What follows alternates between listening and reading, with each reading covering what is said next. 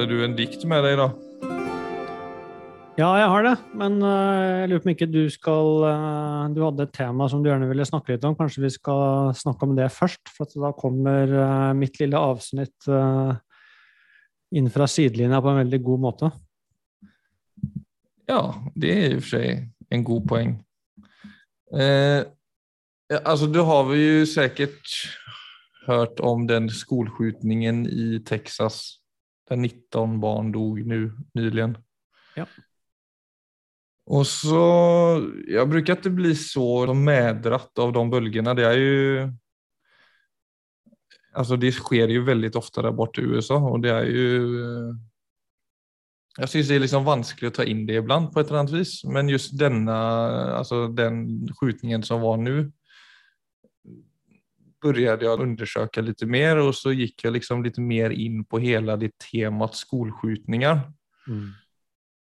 Och så har jag tagit del av information i USA nu att skolor, alltså väldigt många skolor i USA, alltså ungdomsskolor och barnskolor, var tredje månad så har de, kan du säga, en... Eh, alltså de förbereder egentligen klasserna på en potentiell skolskjutning var tredje måned. Og da løper de ned i skyddsrum, blant annet. Som om det liksom faktisk hender. Da. Og en del skoler tar det ännu lengre. Og det hørte jeg til og med en ljudfil på som jeg ønsker jeg kunne spelat opp her. Men det vet jeg ikke om jeg varken har rettigheter eller lov til. Men der, där er det då en av lärarna som har eh, som går ut som en skådespelare og skal da være den her mannen eller kvinnan som faktisk eh, attackerar skolan og går rundt og skjuter med en knallpulverpistol. Ja. Så det er på en måte det er, det er så nære virkeligheten som det bare kan forbli. Og du ja. hører liksom barn i bakgrunnen skrika, skrikende den læreren går rundt og smetter til med pistolen oppe i luften. Ja, klart det. Og, det er, uh Utrolig hva som blir rasjonelt, bare man blir redd nok. Ja, altså det er jo helt, det er jo helt sjukt, egentlig. Det der, akkurat det.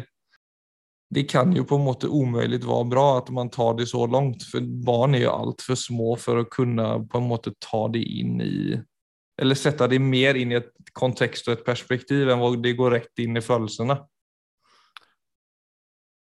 Ja, det er uh det er mye å snakke om i det eksempelet du kom med der, må. Altså. Det, det, var jeg ikke klar over. Det er jo Ja, det er vel nesten vanskelig å vite om du skal le eller grine, egentlig. Men, uh... Nei, da jeg hørte den innspillingen, så var det mer å grine, for det var på en måte Det blir for brutalt. da. Men hvorfor jeg tar opp dette, er for at jeg slås litt av altså vår tid og hva som opptar oss. For jeg, også når jeg ser på serier, eller når jeg ser mot Netflix for eksempel, og serier, Mm. så er det nesten alle nyproducerade serier i dag handler om å møte et hot eller overkomme et hot. Ja. Og vi står inför miljøkriser og militære kriser. altså Det er bokstavligt talat hot med store bokstäver overalt. Ja. Og vi ältar hot, vi dyrker hot i medierna. Ja. Og vi forbereder oss mot det. Alltså Til og med i arbeidslivet kan jeg kjenne på at jeg står inför et hot på et eller annet vis, altså noe jeg skal overcome. Och så, ja. så, så, det er precis som vi blir så matade av dette at det spiller over på nesten alle områden i livet. Det gjør, det gjør, nok det. Det går jo rett inn i hjernen og nervesystemet, selvfølgelig. Så vi, vi, får jo et inntrykk helt ubevisst av hva slags verden vi lever i. Som blir forstørret, selvfølgelig. Altså, for det er vel Det har jo aldri vært altså, mindre vold i menneskets historie noen gang enn nå. Aldri vært mindre krig. Altså, det har egentlig aldri vært tryggere å være menneske enn i dag. Og enda er det så på rubrikene, liksom, og i livet. Ja.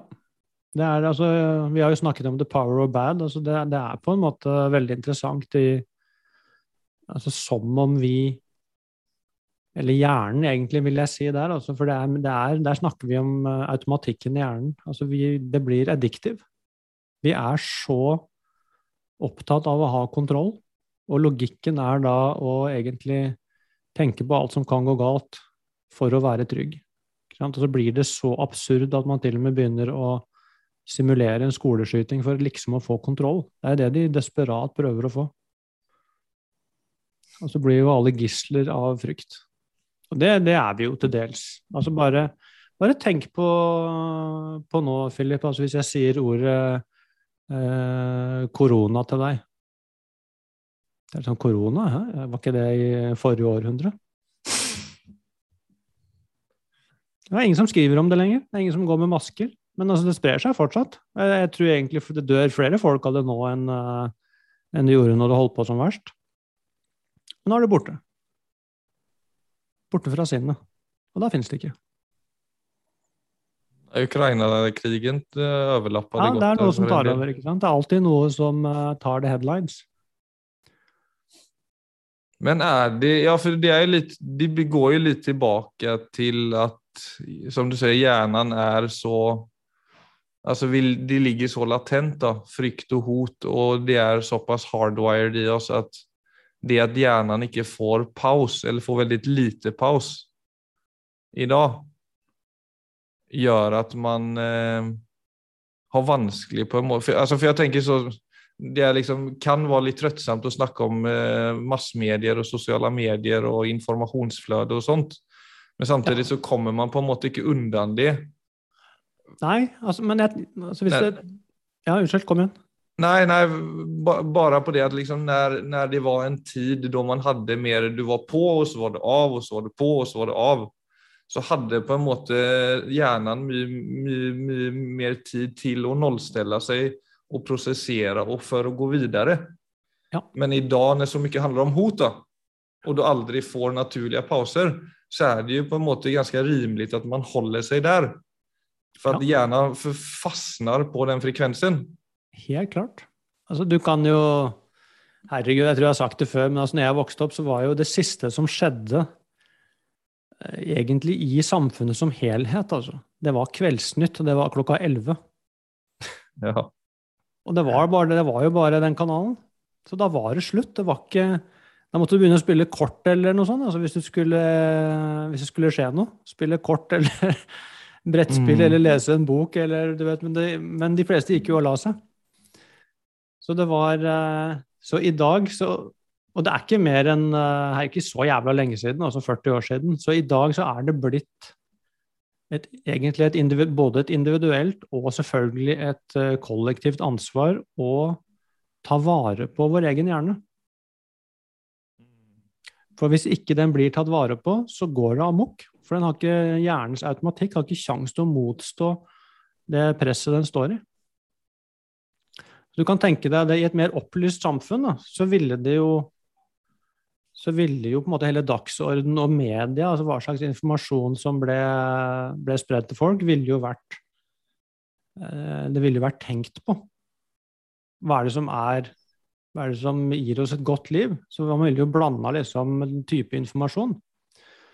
Mens i dag, det verst tenkelige scenarioet egentlig er jo at alt i dag av informasjon er, uh, altså er kommersielt. Og frykt selger, fordi hjernen vår har det ved seg, at den vil ha kontroll.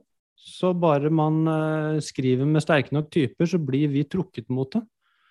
Så jo mer frykt egentlig, jo mer negative følelser som blir skapt, jo mer penger er det noen som tjener i andre enden, og det får man ikke stoppet. Nei. Så det eneste man kan gjøre der, det er å bli klar over de mekanismene og ta ansvar for det selv. Så det er klart det er jo mange individer som gjør det, men det er jo også veldig, veldig mange som ikke gjør det. Som ikke har informasjonen, og som ikke har ressursene. Og som da på en måte blir sånn uh, puppets on a string. Mm. Du kan ikke snakke om noe egentlig frihet der, for det, dette er så sterke mekanismer. Og de som, uh, som, selger disse tingene, de er veldig klar over disse sterke mekanismene, og de er ikke villige til å ta det ansvaret, for da, altså, da går det jo konkurs. Da.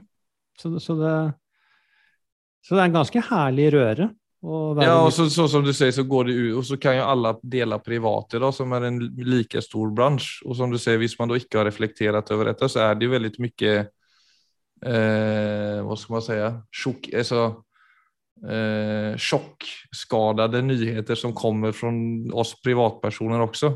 Ja, ja, og, og veldig mye av det er jo også eh, Altså ja, ikke sannheter, da. Det er utrolig mye konspirasjonsteorier. For det er også noe hjernen elsker. Og det er jo, det er jo liksom som eh, honning for bier, altså. Konspirasjonsteorier for mennesket. Så det går jo som hakka møkk.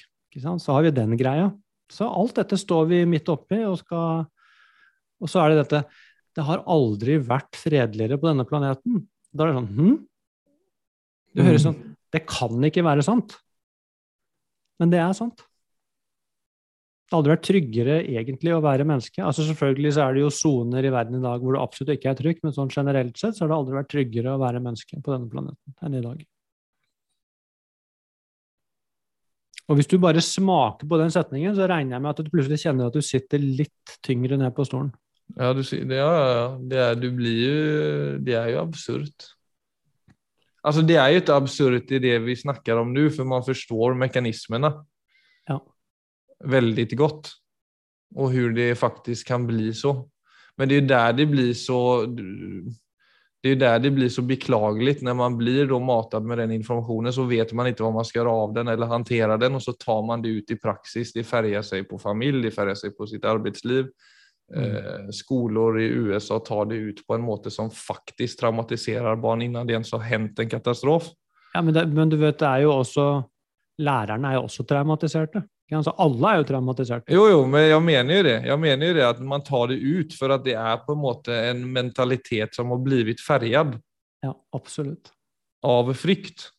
Ja, ja absolutt. Og det, og det, og det interessante der, når man ser på det da fra frykten, så blir den type atferd helt rasjonelt. Altså, det gir god mening. Ja, ja, for frykten er jo superkonkret. Er det ting Jeg har jo vært preget av frykt siden jeg var veldig liten. Det er jo en av grunnene til at jeg sitter her og snakker om alt mulig eh, også. Jeg har liksom vært en byggsten i mitt liv og var redd for ting. Ja. Og den er faen i meg tydelig, skal jeg si. Ja, ja den, eh, den, er overbevisende når den kommer med argumentene sine, og magen knyter seg.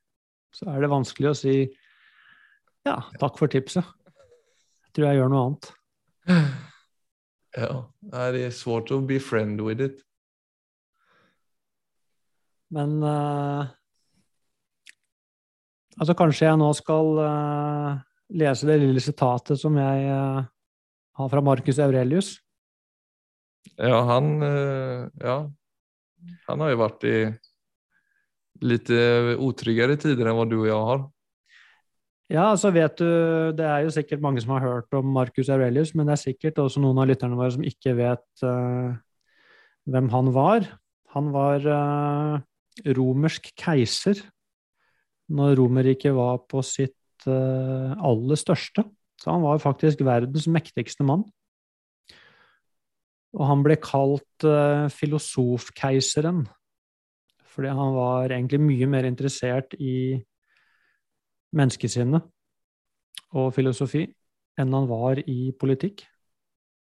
Mm. Han uh, jeg tror han levde faktisk mesteparten av sin keisertid i krig. Så han, eh, og dette er jo for omtrent 2000 år siden. Så han eh, Og han skrev sannsynligvis en form for dagbok.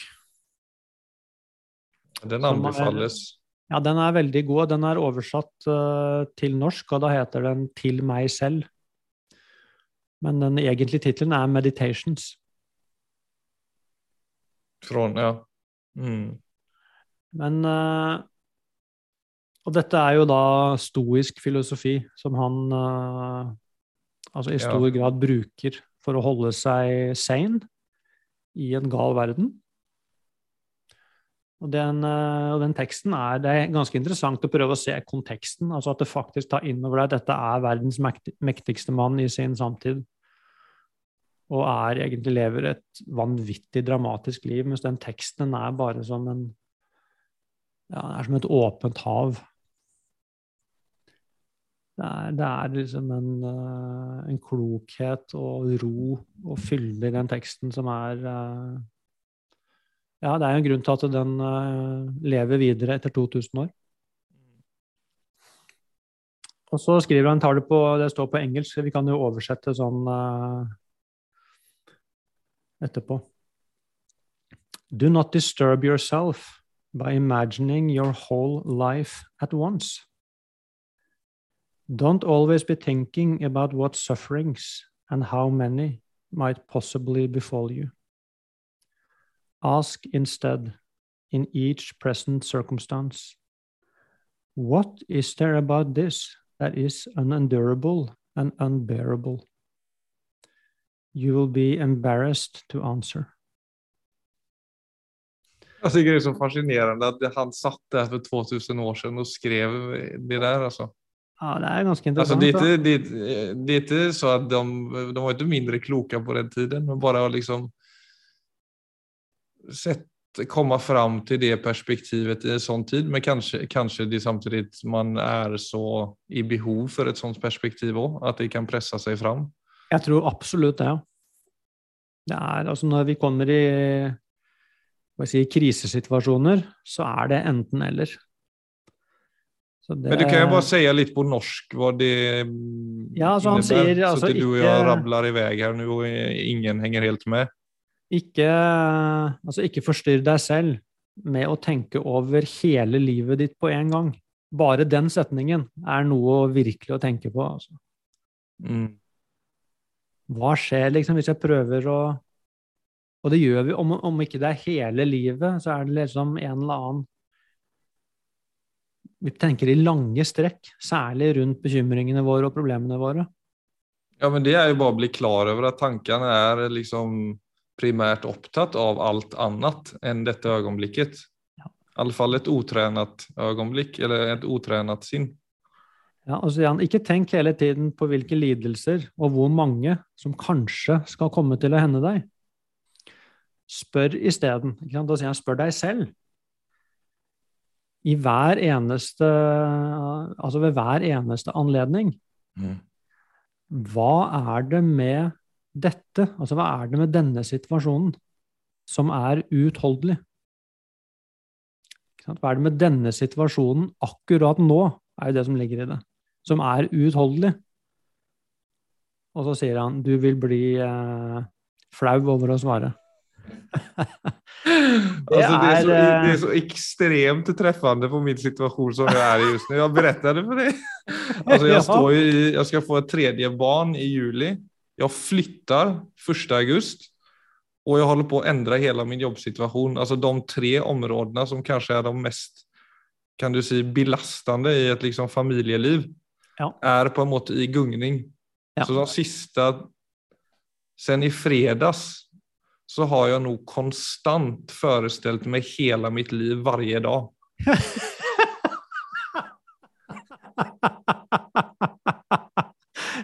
Ja, hvordan, har, det vært, da? Nei, det har vært ekstremt tungt om jeg skal være ærlig. Altså, det har vært Eh... Og det er det som er så treffende i den teksten, at det er så utrolig belastende. Ja. Det er Altså, du, du skal du bære liksom hvor mange sekunder og minuter og timer av, ja, For det er ikke nødvendigvis det at når man, når man ofte tenker så, så er det jo ofte med en viss tyngde. För att, ög- för att framtiden är så oöversiktlig och det som har hänt är liksom ikke ja, alltså det är inte så positiv syn på det alltid.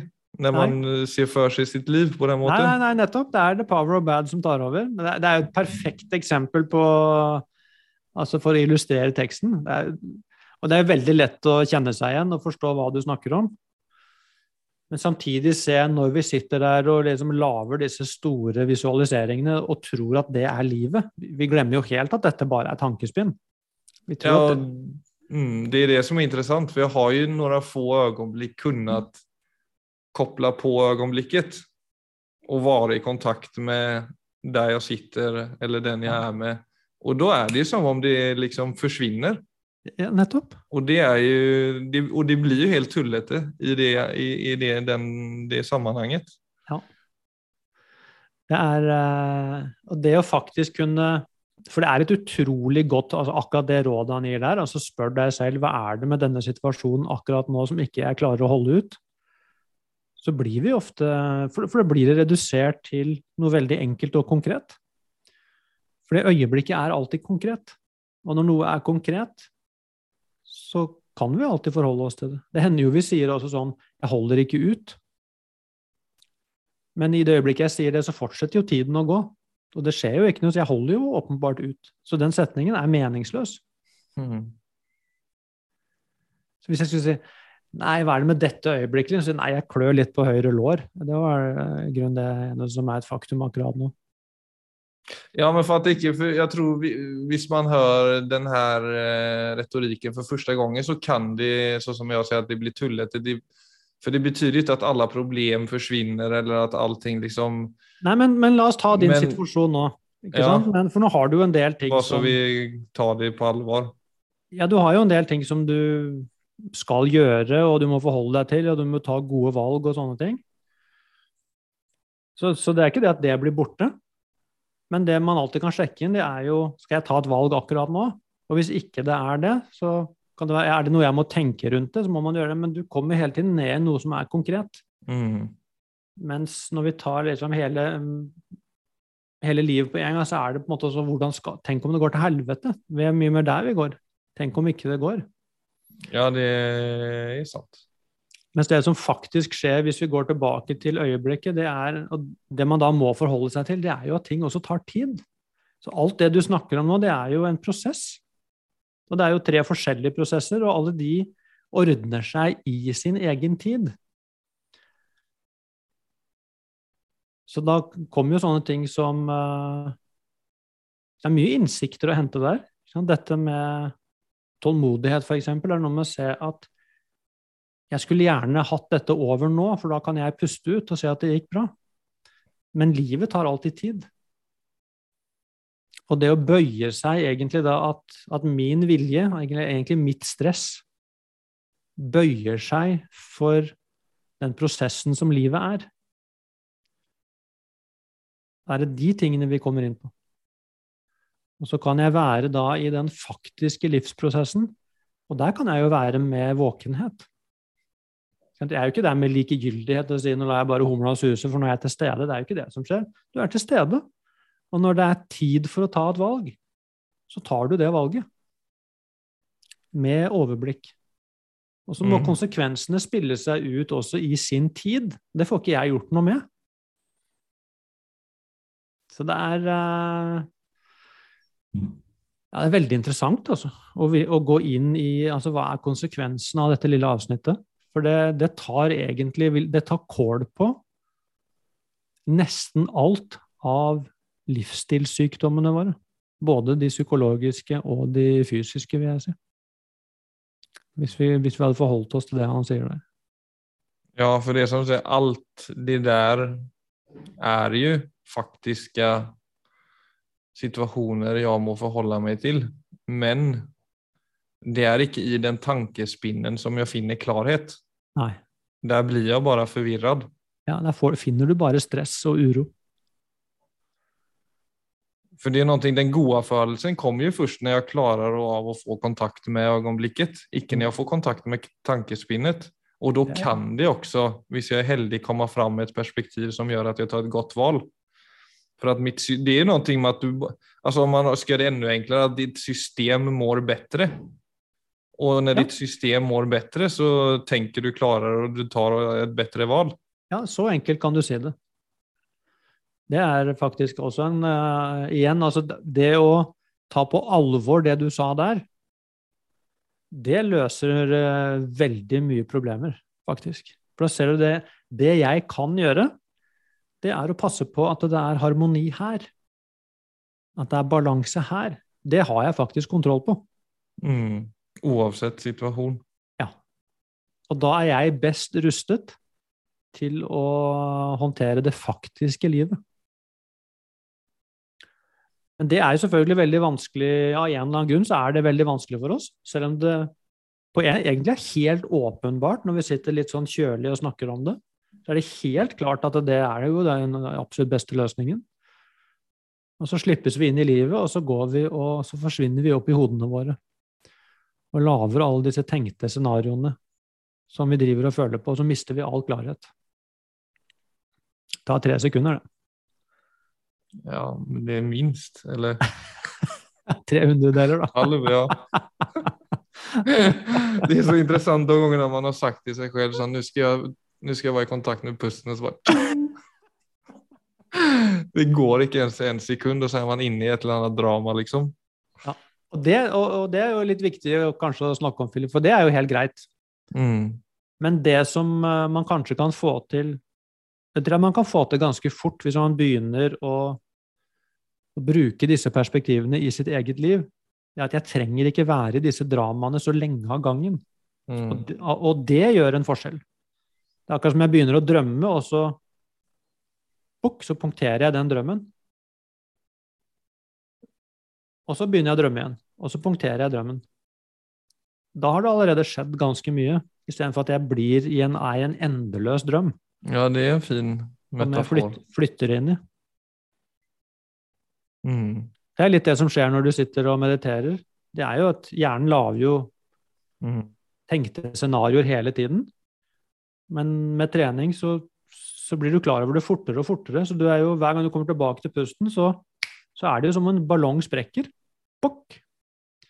Og så er jeg tilbake. Det er ikke sikkert jeg er i pusten så lenge, så går jeg inn i et nytt tenkt scenario. Men kanskje ikke mer enn noen sekunder for jeg ser oi, nå holder jeg på med det. Og i det øyeblikket jeg ser dere på den måten, bokk, så sprekker den ballongen. Og så er jeg tilbake hos meg selv igjen. Og det blir jo med ut i hverdagslivet. Plutselig forsvinner en en bekymring, og så legger jeg merke til at jøss, nå holder jeg på med det. Og i det øyeblikket jeg legger merke til det, så er, da, er jeg allerede ute av det. Det har mistet sin, eh, sin charm. Ja. Så, og det trenger vi Altså, det trenger vi i dag. Altså den ferdigheten, den Jeg kaller det ofte den mentale muskelen. Den trenger vi i dag. Det er veldig vanskelig å orientere seg i en moderne hverdag uten å ha såpass tilstedeværelse. For det er det det er. Det er tilstedeværelse. Som ikke hele tiden blir dratt inn i alt det som blir servert deg. For det Mm. blir servert oss ting hele tida.